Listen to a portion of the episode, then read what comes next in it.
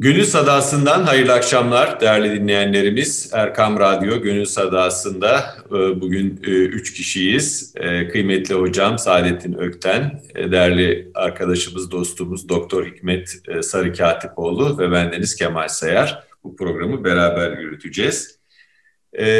Hocam hoş geldiniz, Hikmet hoş geldin.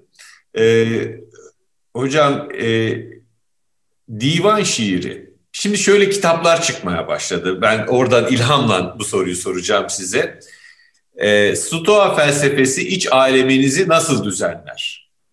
Stoacı terapiler filan. Böyle Stoa felsefesi e, adeta e, bit pazarına nur yağar gibi birden Batı alem dünyasında keşfedildi ve Stoacılık e, Stoacılığın insan ruhunu nasıl olumlu bir şekilde etkileyeceğine dair birbiri ardına kitaplar çıkıyor.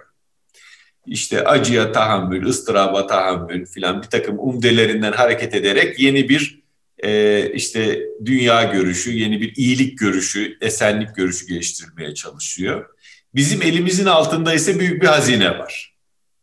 Bizim elimizin altında kadim uygarlığımızın şiirleri var, irfani anlayışı var, divan şiirimiz var, onun insana bakışı var.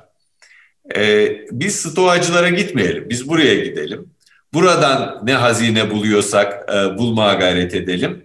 Şöyle bir elimizi bir hazineye bir daldıralım istiyorum bu programda. Ee, ne söyler divan şiiri bizim iç alemimize? Veya kadim şiirimiz bize ne söyler? Şimdi tabii şöyle başlayayım isterseniz. Biz e, duyuyor, görüyor ve deneyimliyoruz. Böylece eğitiliyoruz. Nasıl dış e, bedenimiz, dış alemimiz eğitiliyorsa, e, bizim zamanımızda okullarda beden eğitimi dersi vardı. Ruhumuz, zihnimiz de eğitilir. Zihnimizin eğitilmesi ilimle, bilimle oluyor. Ruhun eğitilmesi sanatla oluyor. İç alemin eğitilmesi. Ve biz duyarak ve görerek deneyim sahibi olarak eğitiliyoruz. Burada şöyle düşünüyorum ben. Bir e, cevher var, bir ustanın elinde, bir demircinin elinde. Ona e, çekiş darbeleriyle bir şekil veriyor. Veya bir heykeltıraş var. Ona işte gene o e, keskisiyle vesairesiyle çok sert oldu diyorsanız bir nakkaş var. Fırça darbeleriyle bir nakış yapıyor. Ama e, yüzlerce belki binlerce fırça darbesi geliyor. Yüzlerce binlerce belki çekiç, belki murç darbesi geliyor. Ancak ondan sonra eser ortaya çıkıyor. Benim gördüğüm kadarıyla yani e, divan şiiri de böyle. Birey olarak biz divan şiiriyle temas edersek, karşı karşıya gelirsek ve her temasta, her karşı karşıya gelişte ruhumuza bir küçük dokunuş söz konusu olursa ki olur, bir süre sonra ruhumuz o divan şiirinin biçimiyle biçimlenmiş oluyor. Onun tarzı ve tavrı da eğitilmiş oluyor. Bu şiire baktığım zaman gördüğüm odur ki divan şiiri İslam medeniyetin Osmanlı yorumunun söz sanatlarına yansıyan e, aksi sedasıdır. Aksidir. Oradaki yankılanmasıdır. Orada ortaya çıkan e, renktir, şekildir, duygudur. Dolayısıyla divan şiiri o açıdan çok mühim. Neden? Çünkü bir yorum getiriyor. Ruha bir yorum getiriyor. Ruhun ihtiyacı olan sanata bir yorum getiriyor. Ve o bir manada kendi medeniyetimizin mensup olduğumuz medeniyetin bize ait bir yorumu oluyor. Biraz evvel Stoa'dan bahsettiniz. O bize yabancı bir hadise. Biz onu yaşamadık. Biz Müslümanlar olarak İslam medeniyetinin dairesi içerisindeyiz. Ha bir bilgi olarak merak edenler veya felsefeyle uğraşanlar Stoa felsefesini öğrenebilirler. Bunda bir beis yok. Ama bizim iç varlığımızı düzenleyen bu e, divan şiirinin getirdiği bir yapılanma hiyerarşisi, bir duygusallık, bir güzellik hissi. Ben bunun paralelini batıda da gördüm. Ee, işte biraz merak sayikasıyla meslek dışı ilgilerim, meslek dışı sohbetlerim, insanlarla çay kahve içerken, muhabbet ederken onlar da temelinde kendi edebi dünyaları, kendi sanat dünyalarıyla alakalı bazı temel eserleri adeta çocuklarında mahsediyorlar. Yani bir manada ruhen onları içiyorlar. Bunu onlara büyükleri yapıyor. Büyükleri öğretiyor. Beraber onları götürüyorlar. Hocam, Meclislere katılıyorlar. Bir şey söyleyeceğim hocam. Çok özür dilerim. Araya... Estağfurullah tabii. Ee, mesela e, ben e, Batı eğitim kurumlarından geçip de mesela Alice Harikalar Diyarı'nda kitabını bilmeyen, okumamış, e, onun mitolojisinden, onun e, haber verdiklerinden haberdar olmayan bir insanla hiç karşılaşmadım. Değil mi? Yani e, bizim de Yunus'umuzu, Fuzuli'mizi, e, Mevlana'mızı çok daha içten, içselleştirerek e, çocuklarımıza öğretmemiz, okutmamız lazım sanki. Yani biz bu divan evet. şiirini öylesine bir süs gibi, e, bir e, gençlikte böyle uğraşılması gereken, zoraki uğraşılması gereken bir şey gibi çocuklarımıza öğretiyoruz ama onun lezzetini, tadını veremiyoruz, geçiremiyoruz. Çünkü Kemal Beyciğim o sadece gençliğin meselesi değil. O bütün yaşların meselesi. Yani gençlikte bir insan bir tevhid kasidesini, bir münacatı ne kadar anlayabilir? Çünkü gençlikte başka ilgiler söz konusu. Ama yaş ilerleyip hayatın farklı veçeleriyle karşılaştığınız zaman en basitini söyleyeyim. Diyelim ki gençsiniz, bir meslek sahibi oldunuz. Yeni bir veçeye giriyorsunuz. Evlendiniz. Bakın çok normal şeyler söylüyorum. Hiç öyle ekstra bir şey değil. Bir başka veçeyle tanışıyorsunuz. Evlat sahibi oldunuz. Bir başka bir başka veçeyle say karşılaşıyorsunuz. Bunların hepsi meşru şeyler. Hiç gayrimeşrudan bahsetmiyorum. Ve büyük maceralar da değil. Herkesin yaptığı şeyler. Ama hayatın farklı veçeleri.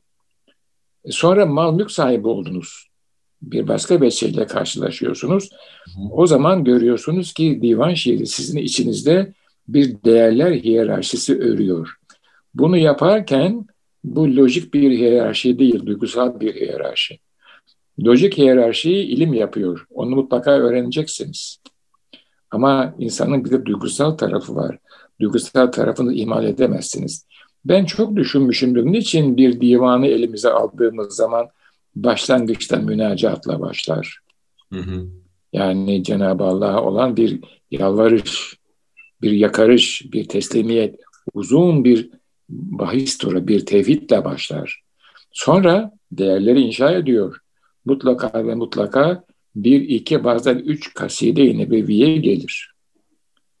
Yani Hazreti Peygamber'e e, iltifat, iltica, e, sığınma, yakarış e, bu, gelir. Bütün bunlar bize bir şey ifade ediyor. Sonra o kasidenin, o divanın yazılmasına sebep olan zata bir teşekkür. Mesela Fuzuli divanında Cenab-ı Ali'ye kaside de vardır.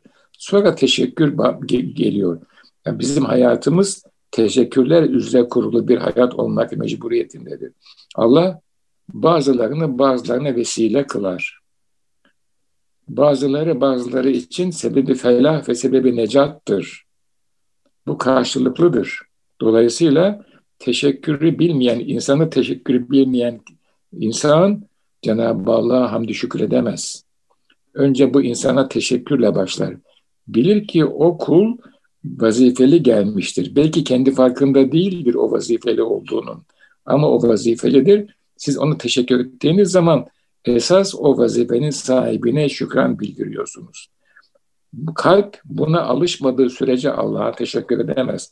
Çünkü teşekkür aynı zamanda bir tevazu ifadesidir. Niçin teşekkür edeyim ki ne yaptı bana diyor. Yahu baktı ve gülümsedi onun için teşekkür et. Ve teşekkür kalbi bir histir. Kalbin buna alışması lazım. Sonra gazelliyat gelir. Gazellerde de hayatın bütün renkleri, bütün veçeleri o e, gazelliyatta ifade edilmiştir. Ama hepsi bir değerler sistemi içinde. Böylece divan şiiriyle temas eden ruh bu devamlı yani e, elinizin altında olacak, e, yatağınızın baş köşesinde olacak. Her zaman okuyacak değilseniz ama e, bir manada her temasta bir biçimlenme söz konusu oluyor. Bir de bizim iç dünyamız, onu siz çok iyi biliyorsunuz, sabit değil. Her yaşa göre ve bulunan şartlara göre değişiyor.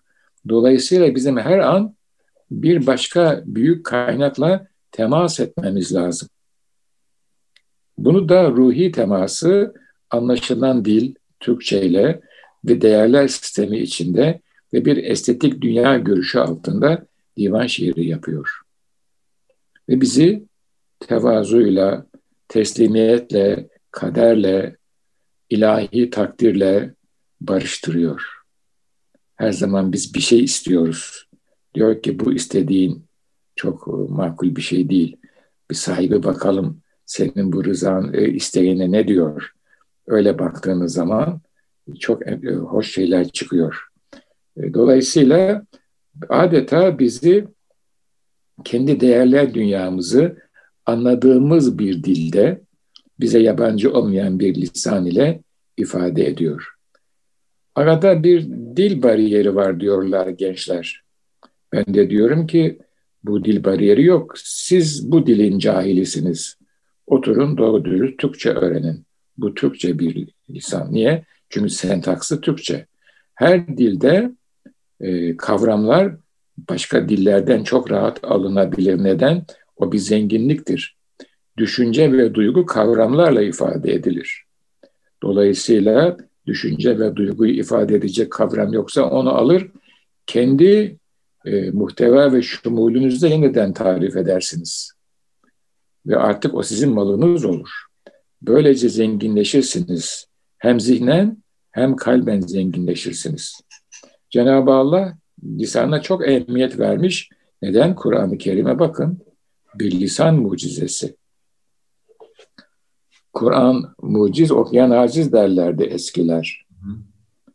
Yani Kur'an insanları acizde bırakır. Pekala insanların kalplerine Kur'an'daki muhtevayı ilham edebilir de etmemiş. Kitabını indirmiş. Demek ki lisan çok mühim ve Adem'e Esma'yı öğrettim buyuruyor.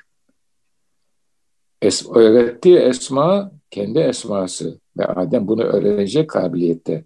O halde ben şunu söylüyorum gençlere ve tabii evleviyette kendime sen divan edebiyatı ki o bir manada esmanın ve esmanın sahibinin çizdiği büyük kainat resminin küçücük bir projeksiyonudur hayatımıza düşen. Ama kaynak sağlam, itibat sağlam ve değerler sağlam. Ne kadar anlayabiliyorsak. Bu kabiliyet bizde var. Biraz gayret ettiğimiz zaman önümüze büyük bir dünya açılıyor. Niçin kalma, kılmaz bana derman diyor. Beni bimarı sanmaz mı? Fuzuli. Kamu bimarına canan, canan dedi. Cenab-ı Rabbül Alemin sevilen, bütün hastalarına sevilen devayı dert eder ihsan. Herkesin derdine bir deva veriyor. Niçin kılmaz bana derman? Beni bimarı san, sanmaz mı diyor. Hafif bir sitem var. Bu kadar. Daha fazla bir şey yoktur. Hmm. Sitem bulursunuz sadece. Nazdır o. Sitem bile değildir. E bu bize bir şey gösteriyor yani. Tabii oradaki bimar dediği ben diyor senin cemaline müştakım. Onu bana göster. O da diyor ki benim cemalimi bu dünyada göremezsin. Görse Hazreti Musa görürdü. Böyle yani bir yerden yola çıkıyorsunuz. Hayal ve hakikat sizi nereye götürüyor? Ama bu altyapıyı bildiğiniz zaman ancak bu lezzete varabiliyorsunuz. E bu da yani bir Müslümana yakışandır. Biz kendi lisanımızda konuşuyoruz. Mutlaka İslam dünyasının başka yerlerinde de bu derinlik belki bu derinliği aşan başka bilgiler mutlaka vardır. Ama ben kendi dar çevremde, kendi ufkumda bu büyük hazineyi fark etmeyen insanlara diyorum ki lütfen fark edin. Çok evet. zahirde kalmayın. Tabii. Ee, yani... Sakın zahirde kalma, aldanırsın komazlar, yoksa gelmezler sanırsın diyor. Gelenler ha nikahı evliyaya, bütün davetlidir galip safaya, şey galip. Gelenler ha nikahı evliyaya, bütün davetlidir galip safaya. Sakın zahirde kalma, aldanırsın, komazlar sen de gelmezler sanırsın diyor. Komazlar sen de gelmezler sanırsın diyor. Yani evliya meclisine gelen Allah dostları demek evliya. Allah dostları çoğul, velinin çoğulu. Allah dostları meclisine gelenler hepsi davetlidir.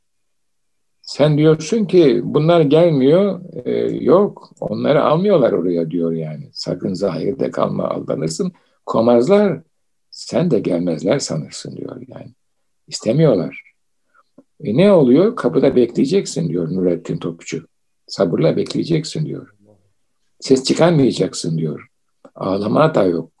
Yalvar kalbi. İşte bütün bunlar hep divan şiirinden yansımalar hayata doğru akışlar. Biraz hocam e, daha psikolojik zaviyeden e, bakarsak. E, tabii tabii sizin şimdi buyurun efendim çok uzun oldu kusura bakmayın. Estağfurullah yani. çok güzel oldu bence. Daha böyle bir kendi benliğinden vazgeçme, benliğin ötesini arama, benliğin ötesini bulmak isteme düşünceleri var divan şiirinde, duyguları var. Sadece divan şiiri diye kısıtlamayalım. Bizim kadim şiir medeniyetimizde diyelim. Ee, Yunus'ta mesela bu tür temalar çok fazla çok, tabii. çıkıyor. Sen senlüğün elden bırak, tenden içeri candadır diyor. Ee, yani insanın kendi benliğinden kurtulması ve hakkı görmesi, kendini e, kendi benliğini boşaltarak hakkı hani gönül çalabın tahtı diyor ya. Evet. E, çalabı o boş boşalmış benliğe yerleştirmesi asıl asıl misafiri, asıl e, mihmanı hak ettiği yere, hak ettiği şekilde koyması ve evet. e, onu orada ağırlayabilmesi çok önemli e, temalar. Necip Fazıl merhumun e, bir şeyi var. E, ben o kutsi nefesin üflediği kamışım, ses onun, ben imzamı atmışım, atmamışım. Evet. Ses onun. Yani şimdi siz de bizim söyleşilerimizde sık sık dile getirsin, getirirsiniz. Ben büyüklerimden böyle duydum dersiniz. Evet. Yani e, klasik şiirimizde o ilahi güzelliği yankılıyor aslında. Yani bize onun bir yansıması olarak ulaşıyor. Evet. Benlik iddiası yok. Kaldı ki bizi de benlik iddiasından geri durma çağırıyor. Evet. Bir, Çünkü bir, bana ait bir şey yok Kemal Bey. Yani bana ait bir şey yok. Bir küçük evet. pıhtı geliyor ilmi götürüyor. Bir küçük pıhtı evet. geliyor, bütün vücut fonksiyonlarını yok ediyor. Ama siz güya yaşıyorsun. Ona şimdi bitkisel hayat diyorlar yani. Adamın eli hayat tutmuyor. Ağzı yemek yemiyor, yutamıyor garip yani. Ama yaşıyor. Hekimler yaşıyor diyorlar yani. Acayip bir şey. E nedir? Bir minicik bir pıhtı. Nasıl oluyor? Oluyor. Nasıl olmuyor? Olmuyor. Evet. Siz böyle okurken aklıma Şemsettin, Şemsettin Sivasi'nin nutku uzundur da Sür çıkar gayri gönülden ta tecelli idahak, padişah konmaz saraya hane mamur olmadan diyor. Yani bu büyüklerden e, bir şeyi alma düşüncesini ben e, çok severim o şiirini Şeyh Galip'ten. Efendimsin cihanda itibarın varsa sendendir. Evet. Yani aşıkanda iştiharın varsa sendendir. Evet. E, işte yani e, Bunlar çok muazzam şeyler. Benlik iddiasında bulunmamak, hep büyüklere atıfta bulunmak, büyüklere atıfta bulunurken de irfanın kaynağına, köküne atıfta bulunmak. Tabii. Hazreti Resul'e ve Kur'an'a evet. atıfta bulunmak. Değil evet. mi? Evet. Çünkü şöyle şimdi tabii bugünkü insanlar, gençler için hususen söyleyelim. Yani bizim büyüklerimiz de bunları duyduğumuz insanlar da kendi büyüklerine atıfta bulunurlardı. Evet. Ve e, beni sildiğiniz zaman biraz evvel söylemeye çalıştım zaten bana ait hiçbir şey yok. Ben sadece verilen emanetlerin bir miktar emanetçisiyim o kadar yani. Ama bana ait bir şey yok. Büyüklerimiz de kendilerine ait bir şey olmadığını söylerlerdi. Biz de büyüklerimizden duyduk veya büyüklerimizin kitabından okuduk filan şeklinde. Bu gidiyor el ele el hakka. Tabii ki el ele el Cenab-ı Resulullah'a oradan el hakka. Yani beni yok ettiğiniz zaman ortaya o çıkıyor. O varken ben yok zaten. Zaten ben diye bir şey yok. Ama bir zahir ben var işte onunla yaşıyoruz o kadar. Buna fazla atıfta bulunmamak lazım.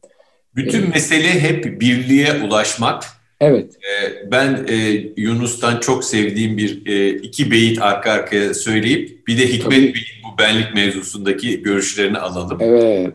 Ee, senlik benlik olacağız, iş ikilikte kalır. Çıktık ikilik evinden, beni yağmaya verdik. Bu bizim pazarımızda yokluk olur müşteri, geçtik bitmez sağınçtan zamanı yağmaya verdik. Ya bu Yunus çok acayip bir adam.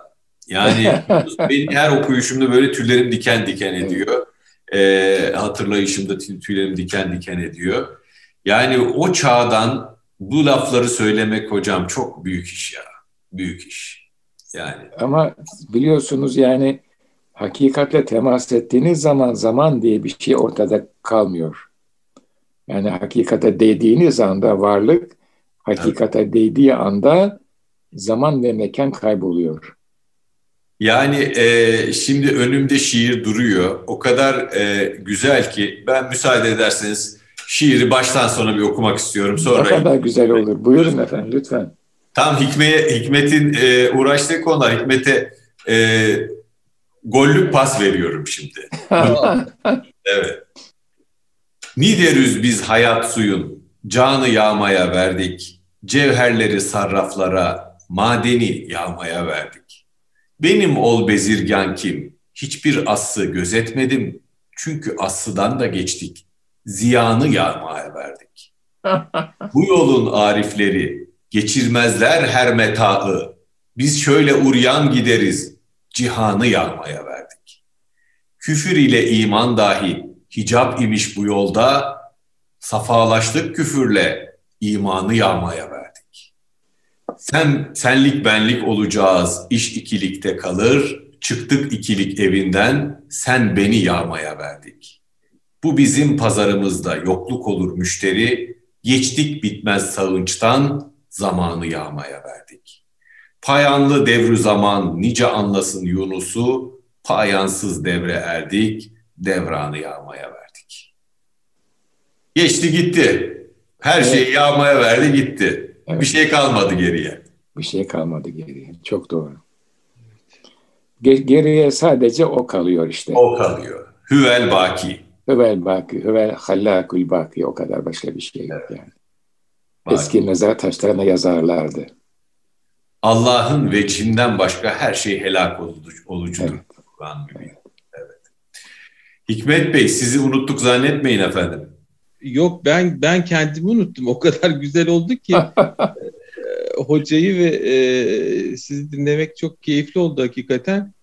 Bu şiirin galiba gücünden o bütüncül ifade daha doğrusu belki ruhta e, yansıttığı şeyden üzerine bir şey söylemek zor oluyor.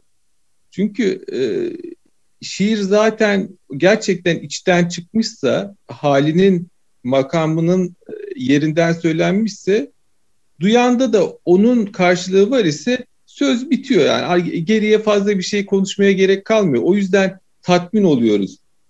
E, ama işi akla ve kavramlar üzerinden onu açmaya çalıştığımız zaman zaten onu parçalamaya başlıyoruz, analiz etmeye, çözmeye başlıyoruz. O bilgimizi artırıyor fakat anlamı azaltıyor. Halbuki e, şiirle o içeriği, anlamı, her şeyi çok güzel ifade etme e, imkanı var insanın.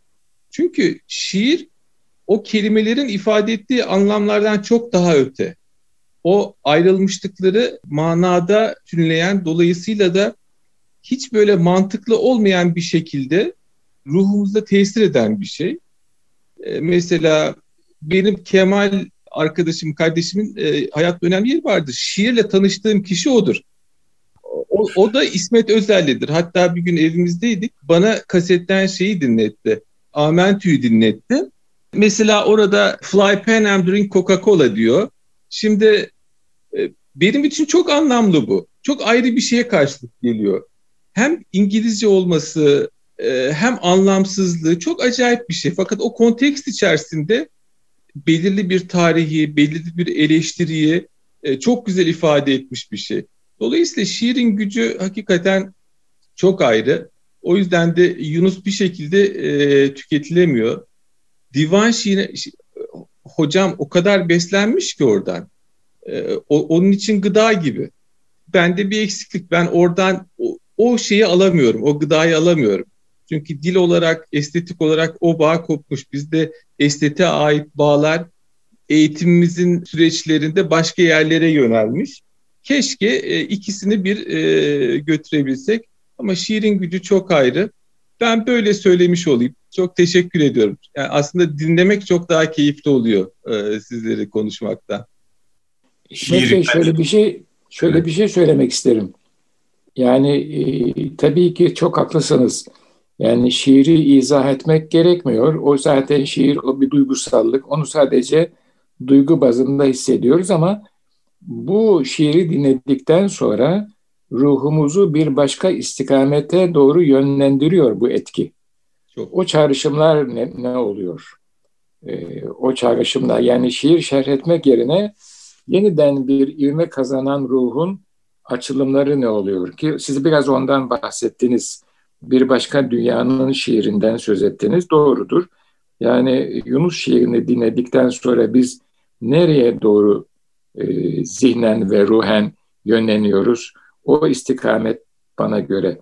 Ben de şiir açıklamasını hiç sevmem. Zaten e, sahamda değil.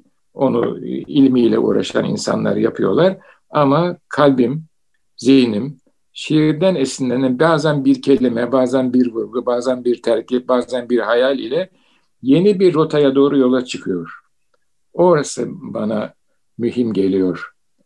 Yani e, assız yağından geçtim kovanım yağma olsun. Bu Yunus'ta yağma fikri çok fazla vardır yani. Dünya malını, dünya metaını Yunus yağmalıyor. Ve bu yağmaya her şey dahil. Var olduğunu sandığı, insanların üzerinde, Yunus'un üzerinde gördüğü her neyse, her ne varsa hepsini yağmalıyor. Dolayısıyla sadece yağmalanmayan kalıyor geriye. Yağmalanamayan. Yağmalanamayan. Evet. Yağmalamayan. Ezelden gelip ebede giden. Evet.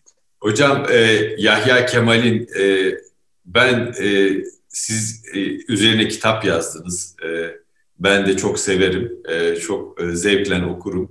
Ta şeyden beri, lise yıllarımdan beri. Evet. Yahya Kemal okuruyumdur. E, onun e, bir dönem lise yıllarında e, Eski Şiirin Rüzgarıyla diye bir evet. kitap vardı. Onu evet. tetkik etmiştim, okumuştum zevkle. Eslaf kapıldıkça güzelden güzele, fer vermiş o neşveyle gazelden gazele, sönmez seheri haşre kadar şiiri kadim bir meşaledir, devredilir elden ele. Yani seheri haşre kadar şiiri kadim sönmez. Şiiri evet. kadim bize yepyeni ilhamlar, yepyeni oluşlar verir e, ve e, bir meşale gibi elden ele devredilir. Şimdi burada bir küçük hatırlatma yapmak isterim e, çağdaş insan buradaki güzel tabirinden başka bir şeyi anlıyor. Ama Osmanlı dünyasında güzele baktığınız zaman bu anlaşılan maddi güzel değil. Hı hı. Güzel tek ve güzelin farklı tecellileri var. Ee, bir aynı şerifte ah güzelin haline halatına, yandı gönül aşk hararatına, And içeyim gel, gerçi güzel sevmeyim. And içeyim gayri güzel sevmeyim. Tanrı'ya ve Tanrı'nın hayatına. Güzel tek, başka güzel yok. yok. O güzelin farklı tecellileri var. Eslaf kapıldıkça güzelden güzel dedikleri işte o güzelin farklı tecellileri. Öyle veya böyle. Onlar sonsuz. Bizim varlığımız sonlu ve biz o güzel ile müstarak hale geliyoruz, istirak haline geliyoruz. Öyle yaratılmışız. Bir nevi bir rezonans var o tecellileri gördükçe. Tabii. Orada o görmediğimiz, hissetmediğimiz, varlığından farkında olmadığımız bir his o. O cezbeye kapıldığımız zaman o bütün maddi hislerin üzerinde bir his o diye düşünüyorum. Dolayısıyla oradaki güzel e, bu çağımızın, bu güncelin tarif ettiği güzel değil. Evet. Derim. Karacaoğlan'da da e, bir şey vardır. E, görülmeyi, görülmeyi güzel olandan bahseder. güzel, evet. güzel evet. E, aslında bakıştan saklanandır. E, İslam'ın güzeli e, hemen kendini ele vermeyendir. Evet. Molla Cami'de de buna benzer bir şey okuduğumu hatırlıyorum. E, diyor ki e, seven sevdiğine, yahu ey gül yanaklı güzel, bu kadar güzelken sen neden bu peçenin ardından kendini gizliyorsun? Neden e, kendini aşikar etmiyorsun? Güzel tebessüm eder ve der ki ona, benim güzelliğim o peçedendir.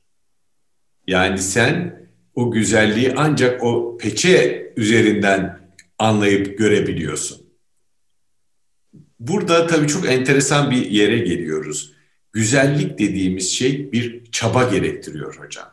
Onu idrak edebilmek için e, bir imajinasyon gerekiyor. Peçenin ardını hayal edebilmek gerekiyor. Peçe, e, peçe veya örtü e, güzelliği hemen ele verilmemesi demek bana göre. Evet. Yani güzellik ancak bir çabayla, zihni bir gayretle, bir e, duygu yoğunlaşmasıyla, kalbi bir tekessüfle e, fark edilebilecek bir şey. Ref olup ol şaha yetmiş bin hicap. Nuri tevhid açtı ve Çin'den nikap diyor Süleyman Çelebi. Hani bizim bu sohbetimiz çağrışımlar sohbeti ya. Ref evet. olup o Miraç'ta ref olup ol şaha yetmiş bin hicap nuru tevhid açtı ve Çin'den nikap diyor. Tabii yani biz saflaştıkça, kalbimiz saflaştıkça, dünyevi haz ve tutkulardan arındıkça peçenin arkasına doğru nüfuz nazar sahibi oluyoruz. Görüş sahibi oluyoruz. İşte basiret bir manada o. Basiret sahibi oluyoruz. Evet. Bir, tabii ki bir çaba. Çabasız hayat yok. Ve onun için yaratılmışız zaten. Yaratılım, yaratılı, yaratılışımızdaki gaye onu bilmek, buradaki o büyük harf, huyu bilmek, hüveyi bilmek. E, bunu da e, maddi koşullarla çerçeveli ve o koşullara mahpus insanın bilmesi mümkün değil. O koşullardan arındıkça, necat oldukça, kurtuldukça, halas oldukça ona doğru yaklaşıyoruz. Evet. Böyle bir böyle bir kainat, böyle bir anlayış. İşte divan şiiri de bunu söylüyor bize. Böyle bir ifade gücü var. Ee, bir imam vardı küçükken yazlıkta Çubuklu Camii'nde. Ee, insanlar e, işçi, yaz sıcak, e, oturdukları yerde uyuklarlardı. Biz de genciz gidiyoruz, biz uyumuyoruz tabii genciz. Bir şey yaptığımız yok, yaz tatilindeyiz. Dinliyoruz. Hoca efendi hutbeyi okur sonra derdi ki Allah tesirini halk etsin. Duymayan kulaklara duyursun. Sonra kâmetle beraber e, dayanmadığı için abdest bozulmaz. Oturduğu yerde uykuluyor. Sıcak, içi yorgun. Ben şimdi hatırlıyorum Allah tesirini halk etsin. Duymayan kulaklara duyursun. Böyle oluyor bu iş. Tabii. Hepimizin bu dualara ihtiyacı daha var hocam. Allah sayenizi meşgul eylesin.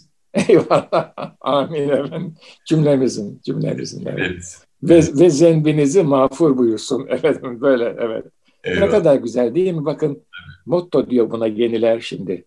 Lübbüllüb söz. Fazla söze gerek yok. Sahiniz meşgul, zembiniz mağfur olsun. Bitti bu kadar yani. Ne evet. kadar hoş. Güzel niyetler yayılıyor böyle. Kalpten kalbe evet. bir şey. Evet. Evet. Bizim bunun çok e, şeyi hocam e, İngiliz dilinde bunun muadili yok. Biri çalışırken yanından geçerken kolay gelsin diyor. Evet. Yok İngiliz dilinde bu söz. Yok değil mi? Mesela ben afiyet olsun sordum. Dediler bon appetit var dediler. Evet. O, o iyi iştahlar demek yani. Evet. Yani afiyet başka bir hadise. Afiyet olsun nasıl bir şey yani? Böyle. Açıklanamayan bir şeyler var. Bazı kelimelerde koskoca bir umman var yani bir evet, şey bir evet. derya, bir e, şey katre fakat içinde bir umman gizli. Koskoca bir umman evet. insana bakışı gizli. Yine her zaman söylüyorum, yine tekrarlayayım burada. Afiyet olsun, şifa olsun, nur olsun, ibadet olsun. Dua buydu yani Aziz'in duası. Afiyet olsun, şifa olsun, nur olsun, ibadet olsun. E, ben bir, bir üniversitede bir dostuma afiyet olsun, şifa olsun deyince ben hasta mıyım dedi. Estağfurullah dedim. Ondan sonra sadece afiyet olsun demeye başladım. Herkes kaldırmıyor. Evet. Ama ne kadar güzel bir dua. Nur olsun, ibadet olsun. Niye? Çünkü biz ona ibadet etmek için geldik bu dünyaya. İnsanlı ve cinler ancak bana ibadet etsinler diye yaratıldı buyuruyor yani. Tabii. Abdiyet o demek yani. Eyvallah. Neyse işte böyle bir şeyler. Ne güzel, ne güzel. Divan şiirinden nerelere geldik. Evet, nerelere yani. geldik. Çok şükür. Ee, burada hitama erdirelim inşallah. Ee, kıymetli hocam çok teşekkür ediyoruz. Gönlünüze. Estağfurullah. Hikmet dostumuza teşekkür ediyoruz. Bir gönül sadasının daha e, hitamına e, geldik, sonuna geldik. İnşallah bir sonraki programda devam etmek üzere. Hepinize hayırlı akşamlar efendim.